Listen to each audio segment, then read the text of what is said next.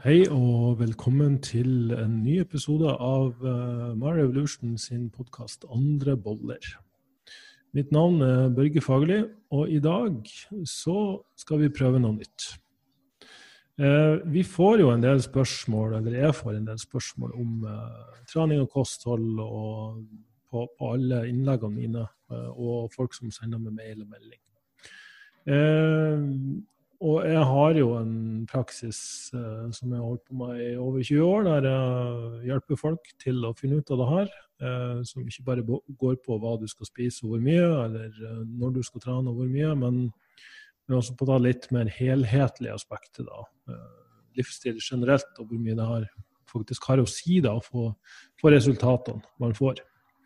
Så i dag så skal jeg faktisk uh, Har jeg tatt inn uh, dame som, uh, som, lurte på noe i en av mine private Facebook-grupper om um, hvordan hun skulle trene i løpet av, av, uka. Og Da tenkte jeg det kunne være veldig lærerikt for våre lyttere å høre hvordan jeg kan gjennomføre en konsultasjon. Jeg tilbyr både konsultasjoner der jeg snakker med en person, og så får de litt Eh, feedback på hva jeg tenker er lurt å gjøre. Og så har jeg eh, sånn oppfølgingsbaserte eh, konsultasjoner der noen får et program og en matplan, og så følger de over fire uker og justerer og optimaliserer ting underveis. Så, så, i dag skal vi ta for oss en sånn enkel konsultasjon og, og hvordan den vil gå frem. Denne personen ønsker å være anonym, så jeg kommer ikke til å bruke noe navn her. Eh, men jeg tror det her er også en problemstilling som er veldig aktuell for mange av dere som, som hører på. Så eh, da går vi bare rett på, sånn som jeg normalt sett ville gjort. Og så spør jeg først om eh, Hvor gammel er du? Jeg er 31. 31, ja. Så midt i målgruppa, er det lov å si. Ja. Eh, høyde og cirka vekt? Jeg er vel eh, nå er vel 65 kilo. Ja. Jeg er 72 lang. Jeg er 72, ja. Så mm. jeg vil jo si relativt normalvektig. Det her er jo ikke noe Verken over, over, eller undervektig i henhold til de fleste normer. Mm. Eh, vet du noe sånn cirka om din fettprosent? Har du fått målt deg eller estimert det? Eh, nei, det har jeg ikke. Jeg har jo gjort det en gang, men det er vel ti år siden. Ja. Ti år og to barn siden. Ja, nettopp. Ja. Som har forandra seg. I dag skal vi snakke mest om trening, så jeg vil ikke gå altså, det, er, det, er, ikke sånn essensiell informasjon, men grunnen til at jeg spør om det, er at en person med veldig mye muskelmasse og lav fettprosent kan veie like mye som en person med lite muskelmasse og mye fett. Sånn at hvis, hvis du tilhører den sistnevnte kategorien, så vil det si at du, du har mye potensial for å legge på deg muskler. Dvs. Si at du er relativt sett utrent i forhold til hva, hva som er mulig. Og da er det veldig mye som fungerer bra.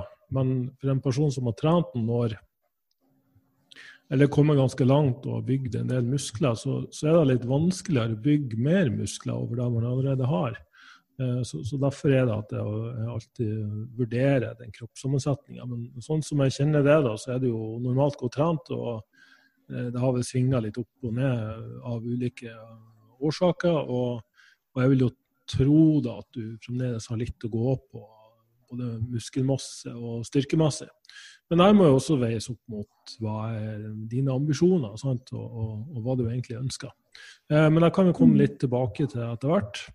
Eh, det neste jeg pleier å spørre om, da, er hvordan ditt nåværende treningsprogram ser ut, og, og, eventuelt om du har noe spesielt du føler har fungert bra eller mindre bra? Eh, sånn som det ser ut nå, så er det helkroppsprogram. Um, som jeg egentlig alltid har trent.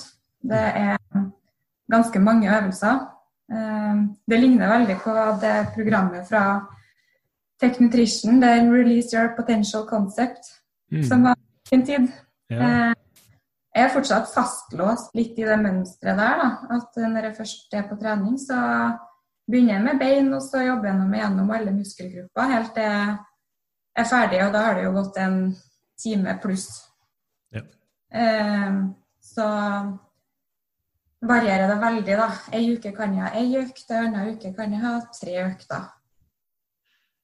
Så det er egentlig sånn jeg har trent hele tida. Um, Ja. mm. Og da føler du det har fungert eh, greit? Eh, I perioder, men det jeg begynner å kjenne på nå, er jo at jeg kanskje trenger mer restitusjonstid enn tidligere. Det er jo kombinert med både søvn og mat, og ikke minst dørstokkmil og motivasjon. Ja. Det føles, når jeg først er på trening, så tar det veldig lang tid. Og hvis jeg ikke har en god dag, så dropper jeg gjerne de siste øvelsene, for jeg har bare lyst til å dra hjem. Ja, ja, jeg ser det. Ja, da, og det her er òg ting vi kan komme litt tilbake til. Um, jeg tar med litt notater her, og så uh, tar vi opp det etter hvert. For, for der er nemlig også ting som jeg, som jeg inkluderer, eller som jeg tar med i betraktning når jeg skal sette opp et program. Eh, jeg vil også spørre om det her med mat, og en typisk dag med mat og hvor bra du spiser. Og, og eh, Normalt sett hadde vi hatt en sånn kostholdskonsultasjon, så har jeg gått veldig i dybden, men, men kanskje um, bare for å holde deg på et sånt nivå som er relatert til trening eh, spesifikt, så, så er det sånn har du, Spiser du faste måltider? Eh, spiser du veldig mye sent på kvelden?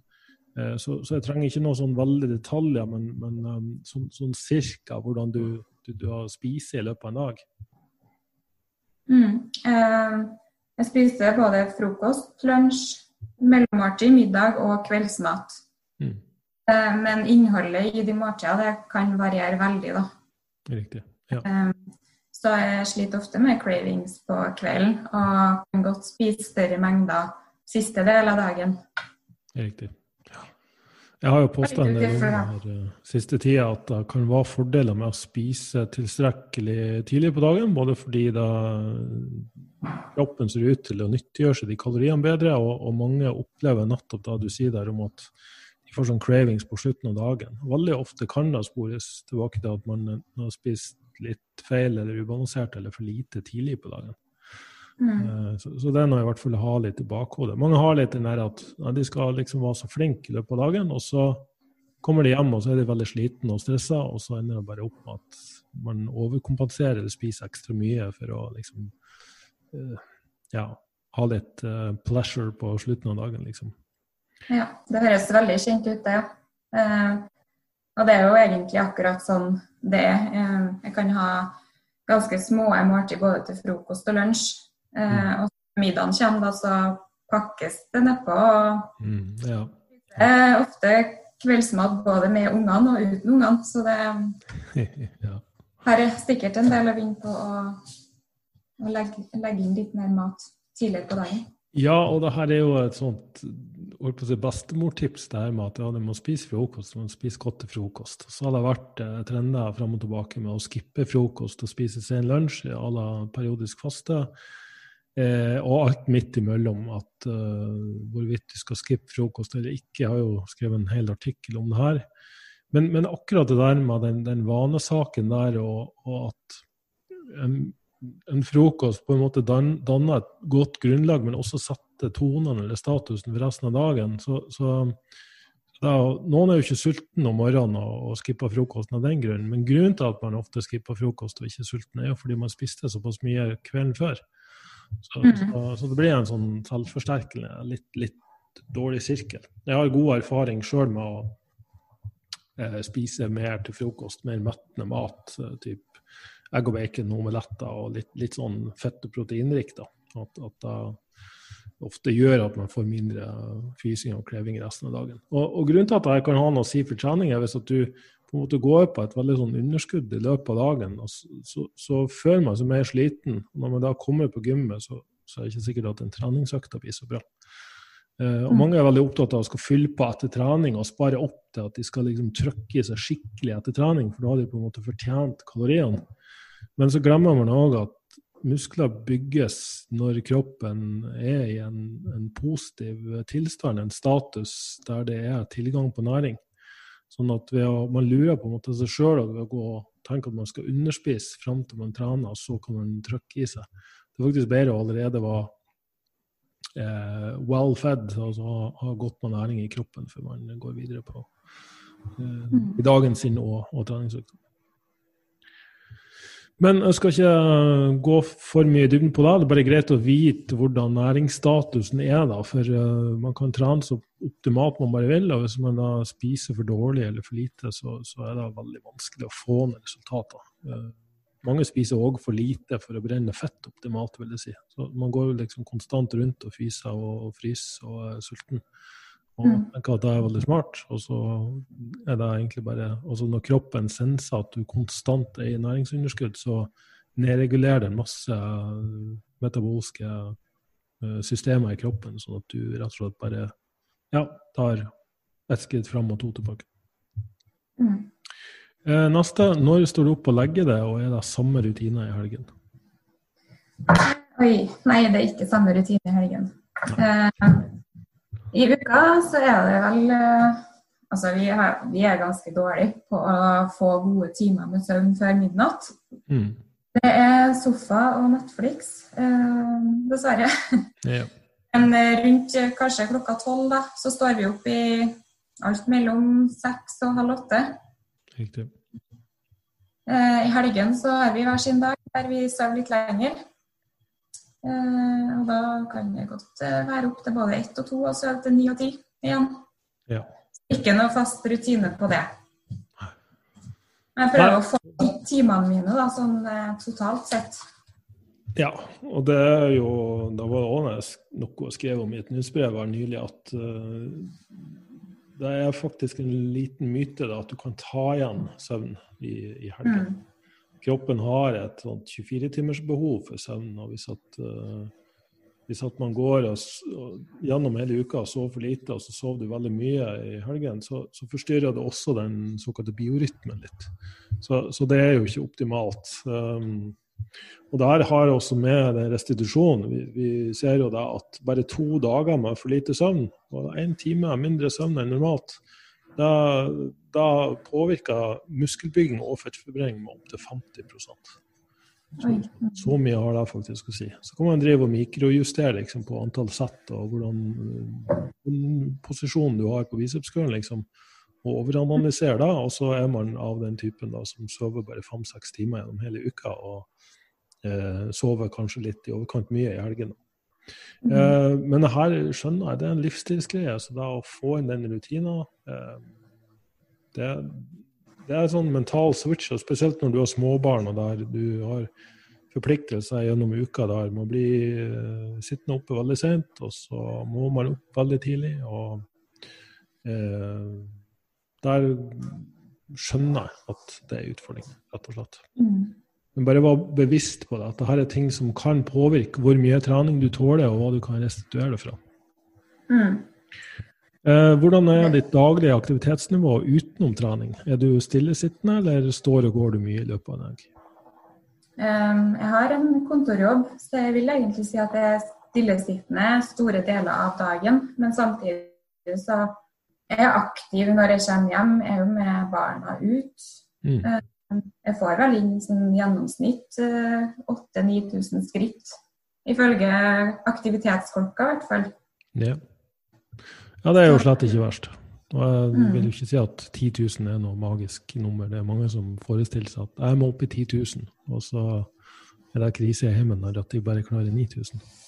Jeg har faktisk vært der sjøl, at jeg har stått på gulvet og jogga for å nå skrittene mine. Men det Ja, det var den gangen. ja, ja. Nei, la oss uh, legge tilbake de kapitlene jeg har vært med. Ja. Um, og det er en fordel å ha litt aktivitet i løpet av dagen sjøl om man er stillesittende. Dvs. Si at om hver halvtime eller time rett og slett bare reiser og strekker litt på seg og tøyer og bøyer litt, eller ut og trekker frisk luft. Det, det, har faktisk veldig mye å si, ikke bare for Og da er jeg ikke på det her ja, du må brenne så og så mye kalorier i løpet av dagen. Det er mer sånn for helse og ja, det, kroppen har godt av det, rett og slett. Vi er ikke designet mm. til å ro veldig mange timer i strekk, bare. Mm. Uh, men ja, uh, greit å i hvert fall bare ha det i bakhodet. Mm. Uten at man, man, skal bli helt uh, eh, stressa over det. Uh, og da er neste punkt hvordan opplever du ditt nåværende stressnivå? Føler du at du håndterer jobbmessige og sosiale krav? Svaret på det må egentlig bli nei. Jeg føler at det generelt er en stressa person som lever en stressa livsstil. da. Mm. Eh, eller A4 vil kanskje mange si. 100% jobb, to barn, én på skole og én i barnehage. Sosial med venner og kjæreste. Enebolig. Ja. The works. Så yes. Men eh, jeg prøver jeg har blitt flinkere da, til å prioritere. Prioritere både meg sjøl og kanskje mer familien enn å skulle på en måte være med på alt som skjer rundt. Ja. Eh, men så er det jo jobben, ikke sant. Så det er litt sånn Det som oppleves som stress for meg, trenger jo kanskje ikke oppleves som stress for andre igjen. Mm. Men jeg har jo gjort, og kanskje lider fortsatt litt av sånn flink, flink, flink pike-syndrom. Ja, jeg skulle til å si det. det er, Ja. kanskje hatt snev av det. Ja.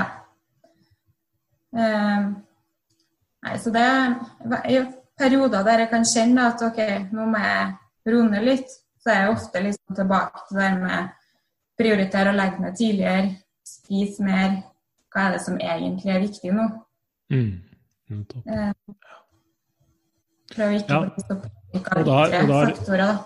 Og det her er jo noe vi også kunne brukt en coaching på å, finne ut av. Det har mange kunder der det her er et tema. Vi snakker lite om mat og trening, men det her med å lære seg å håndtere stress bedre, at det, er faktisk blitt mer og mer av. Moderne samfunn stiller krav, og, og man stiller også kanskje høyere krav til seg sjøl enn man gjorde før. Og eh, kanskje også at man ikke lærer seg måter å håndtere det her daglige stresset på. Altså det er jo noe det er jo greit å ha litt realisme rundt det her. Fordi jeg tror, jeg tenker at livet er jo en lang rekke med utfordringer og, og krav. Man stiller de til seg sjøl, eller man, man får de eksternt. Um, og da kan man kanskje bare like gjerne innfinne seg med. Jeg tror ikke det vil bare komme en dag der plutselig er alt problemfritt og livet er en dans på roser, og, og man liksom svømmer i, i dollarsedler i et badekar, liksom. Jeg tror ikke noen kommer dit. Jeg har hatt kunder som ja, En kunde han var god for var det 25 eller 50 millioner, det husker jeg ikke. Han er enda mer stressa enn det jeg og du er til sammen. Da, Mm. selv om man hadde enormt med penger og masse økonomisk overskudd, så var det bekymringer rundt penger absolutt hele tida likevel. Så, så vi, vi skaper oss nok en del illusjoner om hvis vi bare kommer til det punktet der fremme, da skal vi tillate oss sjøl å være lykkelig og stressfri. Og, da er livet problemfritt. Men det, livet er rett og slett en rekke med problemer og utfordringer som vi må løse. Men hvordan vi har det på innsida eh, i møte med de utfordringene, det der er tanken nøkkelen ligger. At hvis du anerkjenner og aksepterer at utad eller eksternt så vil det være masse problemer. Men hvis du internt kjenner på en mestringsfølelse og vet at ja, men det her klarer jeg, det her takler jeg, det her, mm. det her uh, håndterer jeg greit. Jeg har uh, ressurser, jeg har verktøy, jeg har lærdom, jeg har nettverk. Jeg har jeg, altså rett og slett, jeg har både folk rundt meg og jeg vet jeg er trygg på mine egne evner til å håndtere det her. Så, så tror jeg også man uh, kommer bedre ut av det hver gang. Man kan gjerne få en reaksjon med en gang det skjer noe. Men at du raskere klarer å komme til det punktet at ja, vet du hva, det var noe dritt, men det her fikser jeg. Mm. Så, så øh, ikke sant, Man kunne ha, ha brukt mye tid på det her og, og rett og slett bare gå gjennom noen mentale øvelser der vi der jeg skaper en innsikt i det om at du, du vet hva du driver med, og du har hatt problemer før, og i dag er ikke de problemene lenger fordi du har løst det, og, og rett og slett bare skape et større kartotek eller arkiv da, av opplevelser av både positiv og negativ art, sånn at du blir mye tryggere på deg sjøl og, og den veien du har gjort. Og da, da, da vet du at du har i det, liksom. Eh, men- men da, først og fremst grunnen til at jeg spør om det her med stress, er at det har påvirka restitusjonsevnen. Sånn at uh, en, en person som kanskje er normalt stressa, eh, hvordan man nå skal si at man er normalt stressa, men uh, har en grei hverdag, um, uh, og der du subjektivt har en eh, opplevelse av at du håndterer deg greit, så tåler man faktisk også mer trening. Du, du Mm. tåler å trene oftere, og du, du tåler å trene mer, og du tåler å trene tyngre. Eh, så på bakgrunn av det du forteller meg her nå, så, så vil jeg noe moderert, i hvert fall hvor ofte jeg trener muskel, og, og kanskje òg hvor mye treningsmengde jeg utsatte kroppen min for.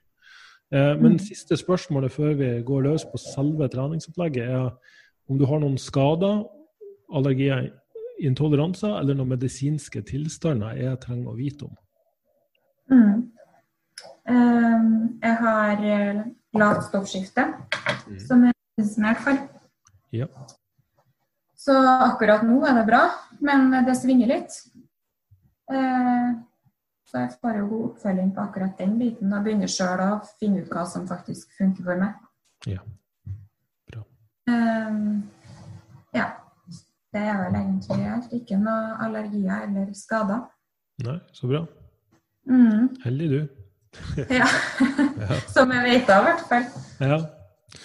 Eh, nei, for du har da i tilfelle vært om du har vært operert, eller om du har eh, altså et eller annet latent eh, altså går rundt og har stadig vekk litt vondt i et kne eller en rygg. eller noe sånt. For da er det ting man tar hensyn til når man velger øvelser. Ja. Jeg har noe sånn såkalt stressnakke, da, men eh, det er ikke en skade i seg sjøl. Jeg vet jo veldig godt hva som skal til for at det blir bedre. Ja. Det er jo veldig sånn periodevis. Så ja. Mm yoga, meditasjon osv. Det funker bra, det. God søvn. Ja, ja. Jeg lider litt av det sjøl, så jeg vet hva det går i. Vi, vi, vet hva det kommer av, liksom. Så ja. Nei, men, men flott. Eh, da du forteller meg her, i hvert fall um, mitt, mitt sånn første inntrykk er at helkroppsprogram er veldig fint i den forstand at det er veldig fleksibelt. Vil si at trener du bare én gang i uka, ei uke, men tre ganger i uka neste uke, så, så, så er det forenlig liksom, med at du gir hver muskel nok uh, trening til at den skal utvikle seg. Mm. Uh, og I perioder med mye stress så er det faktisk helt riktig og viktig å redusere treningsbelastninga. Sånn at da, da faktisk bare trene én gang i uka kan være den beste avgjørelsen du gjør. Uh, og ikke noe man trenger å ha dårlig samvittighet for. Mm. Eh, og da du også forteller meg om stress, så vil jeg ha faktisk sagt at um, For stress kan fordoble restitusjonstida. Sjøl det bare er ett sett, så, så der man normalt sett kanskje kunne ha trent etter er én til to dager, så, så, vil det med mye stress og, og påkjenning, kanskje et lite optimalt søvnmønster og, og, og mye, mye, påkjenning ellers, så er den påkjenninga fra treninga sånn at den bør skaleres litt ned i forhold til det. Så, så mm. trene hver muskel hver, si, hver tredje til femte dag vil jeg si har vært det beste for deg. Eh, ja.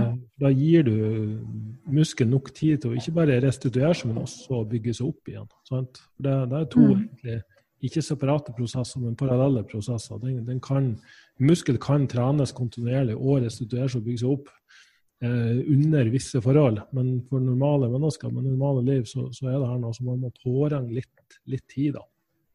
Mm. Eh, ja. det, eh, kanskje spesielt den siste tida, eh, at det har vært veldig støl etter trening. ikke følt meg klar for en ny økt når det har gått én eller to dager. Mm. Så har jeg jo egentlig vært sånn fastlåst i et sånt mønster der jeg har trent mandag, onsdag, fredag eller en annen dag på helg. Riktig. Jeg kjenner jo mer og mer at en ting er at jeg føler meg litt sånn tung og flat dagen etterpå. Jeg får mm. ikke den energien og boosten sånn som jeg hadde før. Eh, og så er det litt sånn i forhold til antall sett, sett repetisjoner osv. Jeg har jo logget på en sånn to til tre sett, ti til tolv repetisjoner. Mm. Og så har jeg egentlig ikke hatt så veldig mye fremgang. Nei, nettopp. Eh, vært en periodetrener eh, fordi at jeg enten har blitt demotivert eller blitt forkjøla eller hatt syke barn. Og så har jeg begynt på nytt igjen. Ja. Så det å få den kontinuiteten, da, og så kanskje gjøre litt, men at det bringer meg videre framover, da, det er det jeg er ute etter. da. Ja, Her, som funker og, sånn. Da. Og da, som da er Fordelen med helkroppsprogrammet jo den nevnte, den nevnte fleksibiliteten, men ulempen er også at du faktisk trener hele kroppen i ei økt. Så det blir ganske lange økter. Mm. Eh, og, og, og, to til tre sett på alle muskelgruppene i kroppen, liksom. Selv om du bruker baseløft, da, det tar en time pluss. Det gjør det. Mm. Så blir lenge på gymmet, og, og, og kroppen trenger da egentlig litt ekstra tid for å restituere seg. Så jeg vil faktisk ha sagt maks to helkroppsøkter i uka hvis at du skal fortsette med helkropp. Mm. Men nå kan det være fordeler med å begynne å dele opp kroppen litt. Og du fortalte meg jo at du, du trener jo alltid beina først, og da er jo en sånn veldig vanlig dameting, tenker jeg. Det er beina som er viktigere enn overkroppen. Jeg har en samboer som er på akkurat samme måten. Hun kan gjerne trene beina tre-fire ganger i uka, og så får jeg, eh, overkroppen en økt av og til. Ja. Ja, eh, og, det forstår jeg da også, men, men eh, jeg, tror det er greit også å ha kanskje litt mer balanse i det, at man ikke blir for overambisiøs på enkelte muskelgrupper. Mm. Men, men det stemmer at det, det er bein og kanskje da også rumpa som er prioriteringen.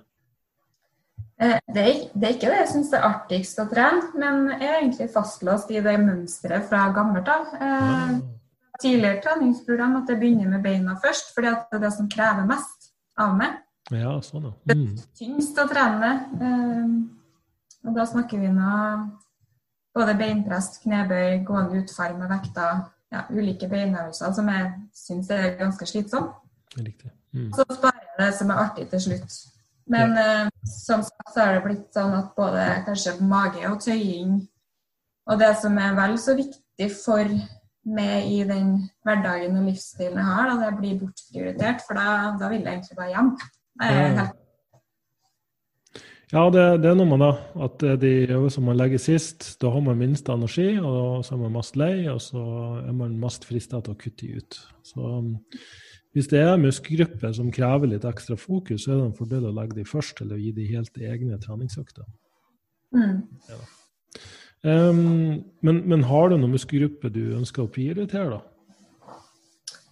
Um, jeg vet at jeg skulle ha gjort noe med kjernen min eh, etter to fødsler. Egentlig ikke noe sånn veldig spesifikk trening etter der. Så mage-rygg blir styrk, sterk fra innsida og ut. Nettopp. Ja. ja, og da er det jo den åpenbare konklusjonen at du faktisk kunne begynt hver treningsøkt med en, en mageøvelse og en korsryggøvelse, f.eks. Mm. Eh, Det er mange som tenker at ja, men hvis jeg sliter ut i musklene, så blir jeg ustabil i baseløftene. Det, det, det stemmer ikke helt. Eh, For det er ikke snakk om at du skal trene til total utmattelse. Men det er kanskje mer snakk om Jeg har veldig god erfaring med spesielt folk da, som har en tendens til å glemme den magetreninga eller kjernetreninga. Eh, Det å faktisk ta ett eller to sett før treningsøkta, og ikke nødvendigvis ta seg helt ut, men å rett og slett bare kalle aktivere, da, eller sette i gang og bruke de musklene litt på forhånd. For Da er det som om du kjenner de bedre når du trener de andre øvelsene etterpå. Og jeg vil nesten si at det har en positiv eh, virkning på sikt. For det som skjer er når du kjenner at du begynner å bli sterkere i de øvelsene, nettopp fordi de er først i treningsøkta, så, så um, får man en slags boost eller motivasjon til å trene de enda litt hardere på sikt. Eh, og det her er en sånn teknikk man kan bruke på veldig mye. det at Bestem deg for at du skal gjøre det til et bestemt tidspunkt, eh, sjøl om du ikke er motivert i det hele tatt. Eh, og så senker du terskelen på det. Det vil si at i stedet for å se for deg at ok, nå skal jeg fokusere skikkelig på kjernen, sette av en hel treningsøkt to-tre ganger i uka, så blir det veldig stort og veldig overveldende. Og, og spesielt hvis man kanskje er litt svak i det og ikke føler seg helt komfortabel med å trene, så, så blir det til at man skipper det helt. Hvis du heller setter et mål om ok, jeg skal trene to, ett eller to sett før hver treningsøkt, så blir det en liten greie som er veldig overkommelig. Så bare OK, hvis jeg er i dårlig form den dagen, så skal jeg i hvert fall få de par settene med mage, og så går jeg heller hjem. Men det som ofte skjer, er at når du først kommer i gang, så blir du varm, og så glemmer du at du var sliten, og så får du motivasjon av å faktisk gjøre noe. Og ikke minst at du ser at du faktisk ganske hurtig kan bli en del sterkere i det øvelsene. Og da er det mye lettere å faktisk sette av tid til det og prioritere det på, på lengre sikt også. Men sånn, sånn helt umiddelbart så, så tenker jeg at uh, gitt at du kanskje ville ha likt fokus på hele kroppen eh, Hvis beina alltid da får prioritet, og det er de som kanskje krever mest energi og, og er mest sånn tung å forholde seg til, så ville jeg faktisk ha foreslått en splitt. Jeg ville ha foreslått en overkropp med innsplitt. Mm. kanskje til og med en såkalt push-pull-legs-splitt, altså at draøvelser, presseøvelser, også bein. Men jeg ville ha gått, ikke for å gå hele veien dit, og, og gitt at du kanskje bare har to treningsdager i snitt eh, disponibelt i uka, la oss si mellom to og tre.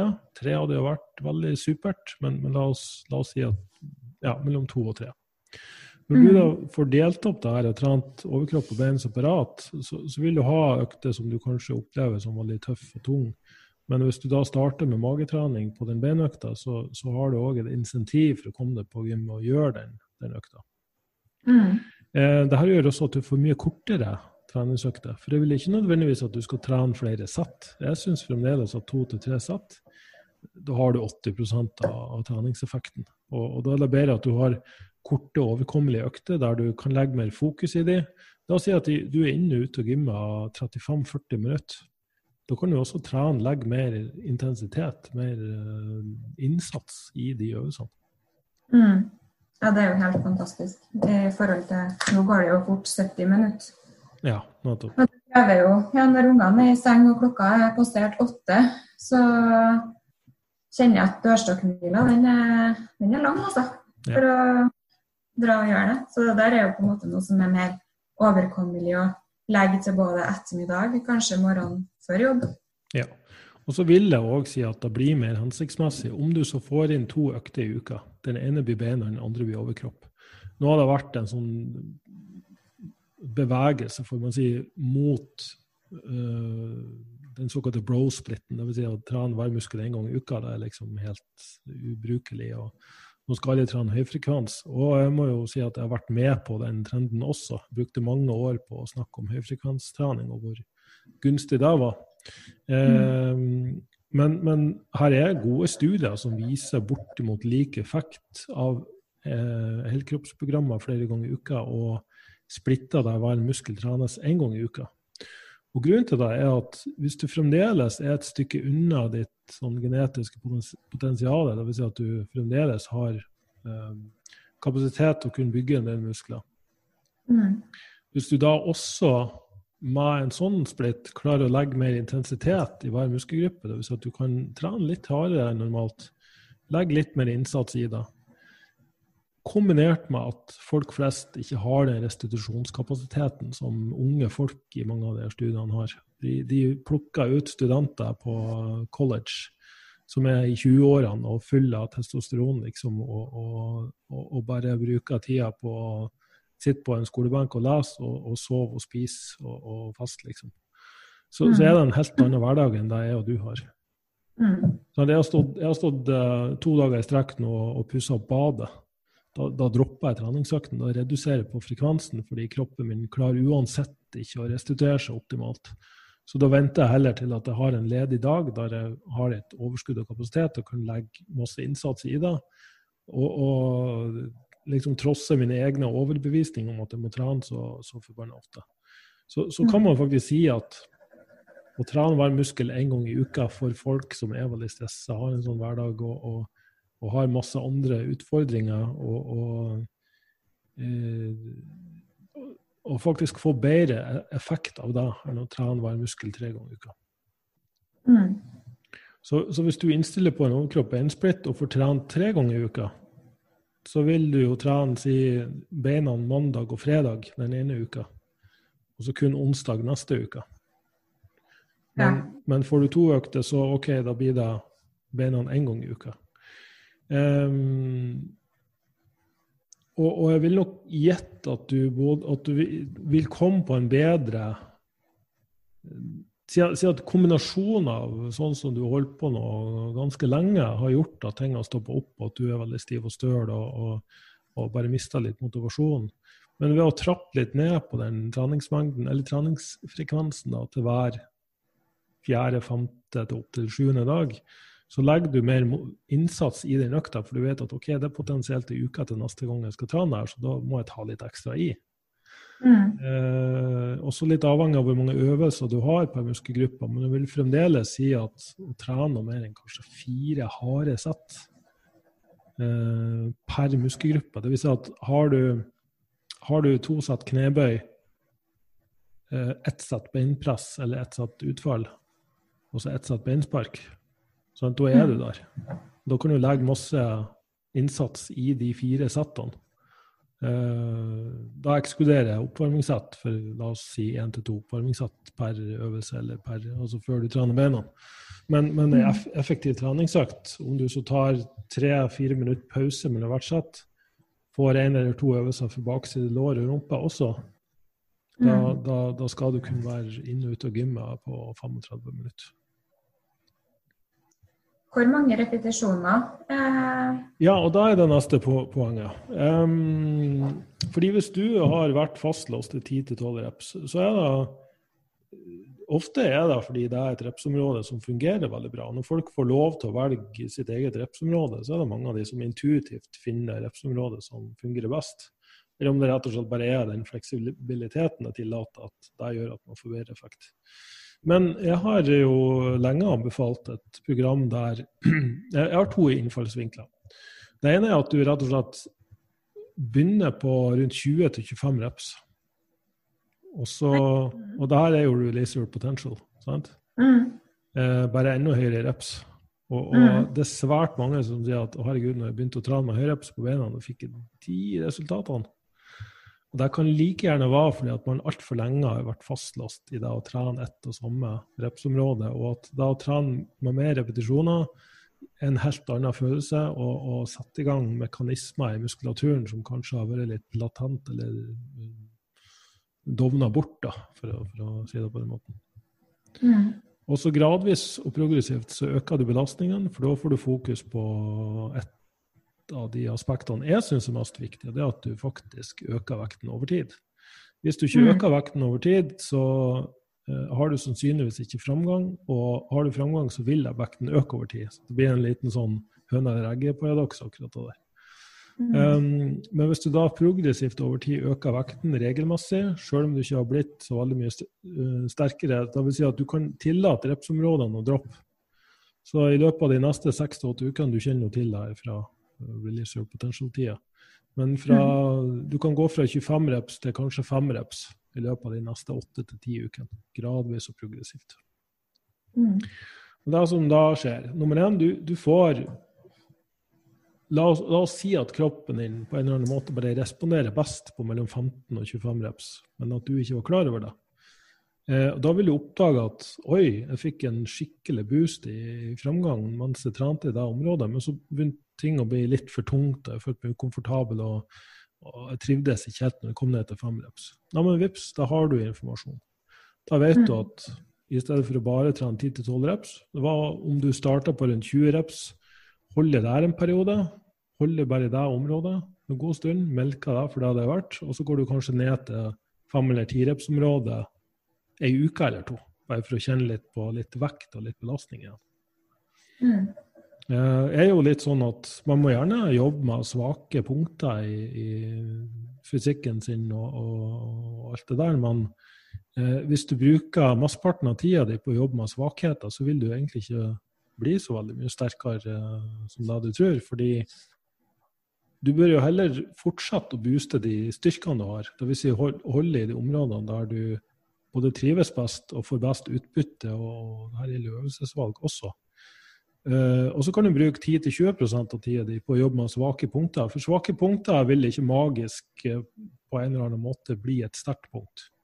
Det, det, er nok fullt mulig av de som har fått til det ved å dedikere seg fullstendig til f.eks.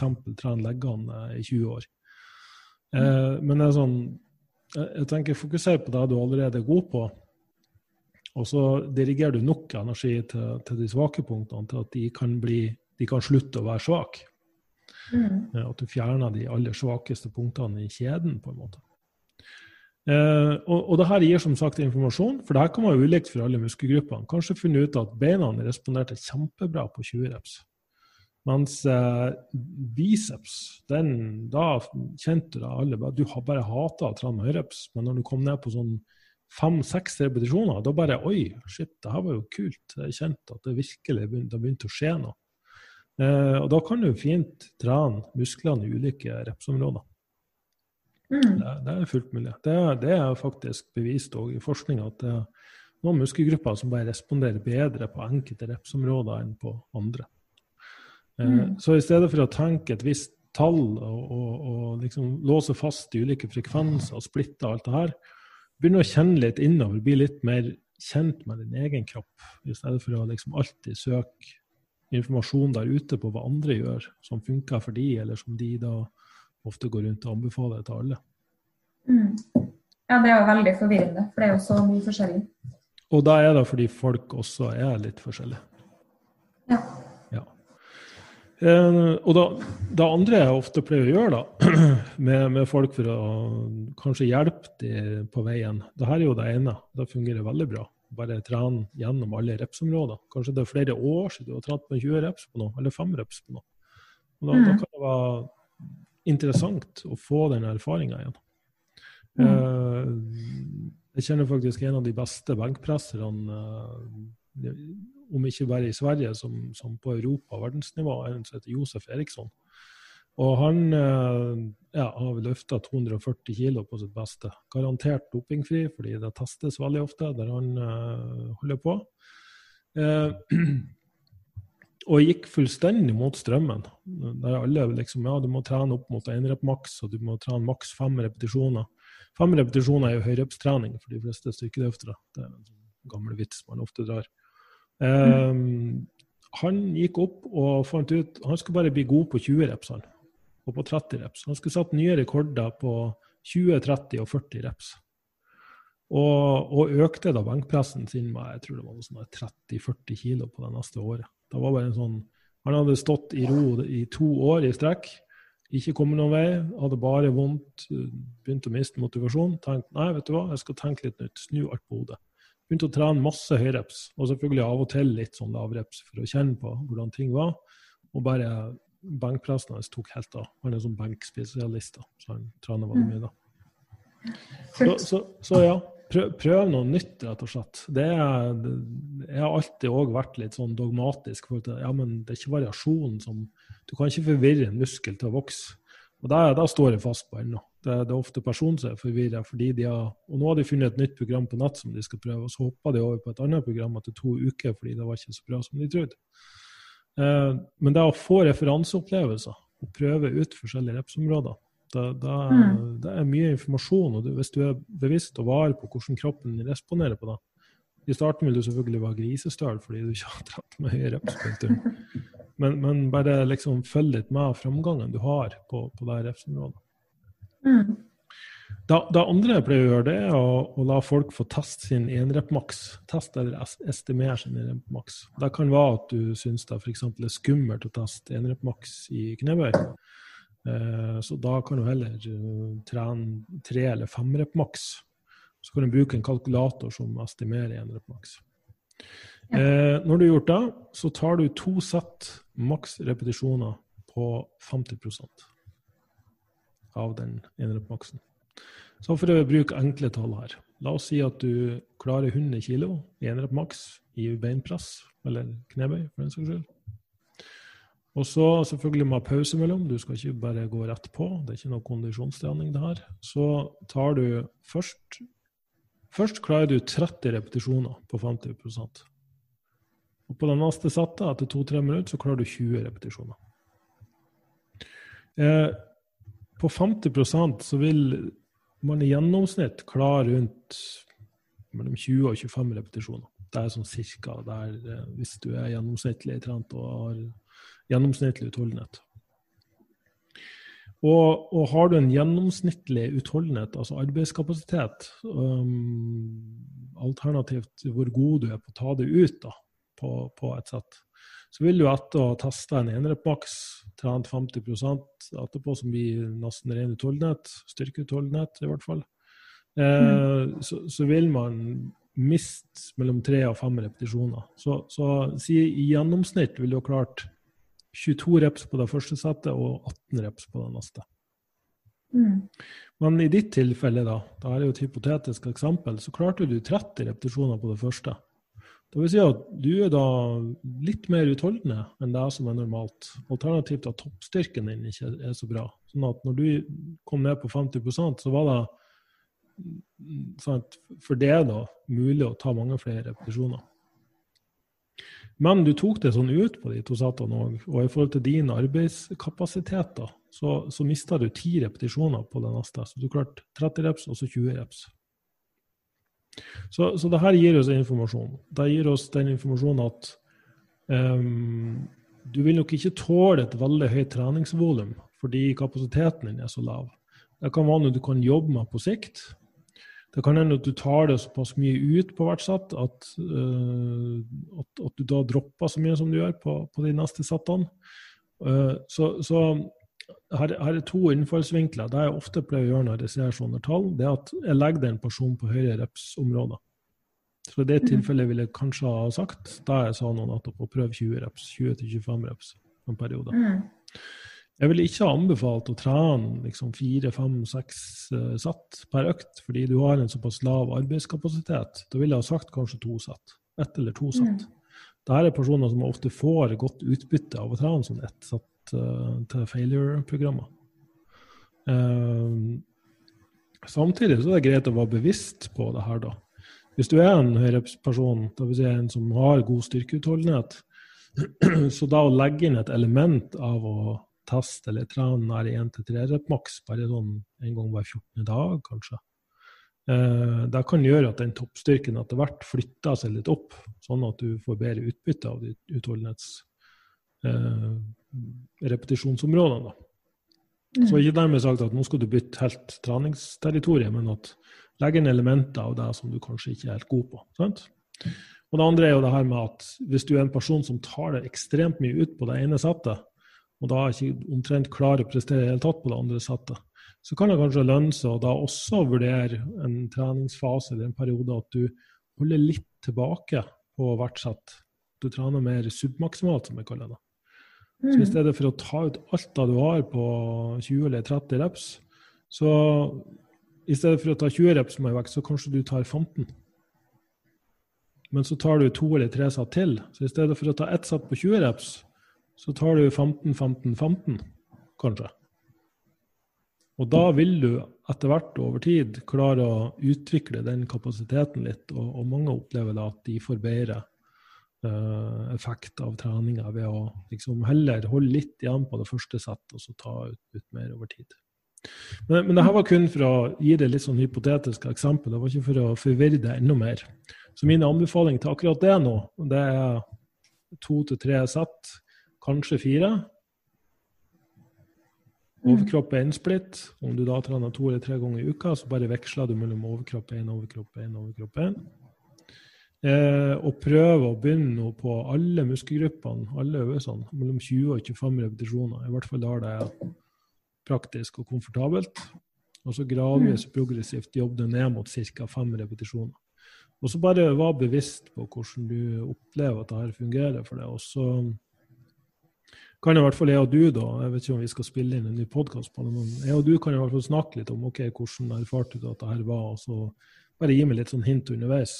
Siden det her egentlig ikke skal være en sånn oppfølging, men jeg vil gjerne liksom høre hvordan det går. Um, så, så, um, så, kan det hende at programmet ditt på sikt, på sikt, vil se helt annerledes ut. Uh, men at dette er et veldig fint utgangspunkt for å lære litt mer om det sjøl på. Mm. Ja, det blir veldig interessant blir det sånn følgende trening.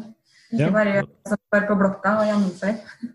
Og da syns jeg de aller fleste burde ha lært seg mer. Ja. Eh, og da ser jeg det begynner å gå litt sånn over tida her, men eh, som det jo som ofte gjør når jeg begynner å snakke om trening. Eh, ja. men, men har, du noe, har, du noe, spesielt du lurer på? Har du noen spørsmål? Um, det var én ting jeg satt og lurte litt på her på slutten. Uh, kondisjonstrening, da. Hvis jeg har lyst til å ta en joggetur, mm. kan ha med. Eh, bør det gjøres på en styrkefri dag, eller har du noen tips å komme med der? Ja, hadde du sagt uh, spinningsykkel eller uh, noe sånt, så, så, kunne du gjerne faktisk ha lagt deg på beindagen. Fordi uh, det er ikke så tøft for muskler og sånne ledd. Jogging er mer sånn støtbelastning. Så det er sånn mm. erfaringsvis uh, trenger det mer restitusjon. Mm. Så, så jeg, når det gjelder jogging, så vil jeg nok ha vurdert å lagt det på en separat dag. Spesielt siden du kanskje potensielt bare har én beintreningsdag i uka, eller hver femte dag. da. Så, Ja. så, så kan du heller ta en annen dag der du jogger, om det så er dagen etterpå eller dagen, dagen før. Du vil jo sannsynligvis merke at beinøkta blir påvirka, litt avhengig av hvor langt du jogger. da. Men, men Mm. prøv det dagen etterpå, eller to dager etterpå. Kanskje til og med på overkroppsdagen kan du ta den joggeøkta hvis det passer best. Ja. Nei, men bra. Mm. Nå gleder jeg meg til å komme i gang her, altså. Ja, så, så bra. Det var jo litt av Mm. poenget med det her også. Og da, da håper jeg at du som hører på også har eh, kanskje fått litt inspirasjon og motivasjon til uh, å endre litt på treninga di hvis du har vært fastlåst litt for lenge. Så da bare jeg tusen takk for at du ble med på det her, og så blir det spennende å høre hvordan det går videre. Tusen takk for at jeg fikk bli med.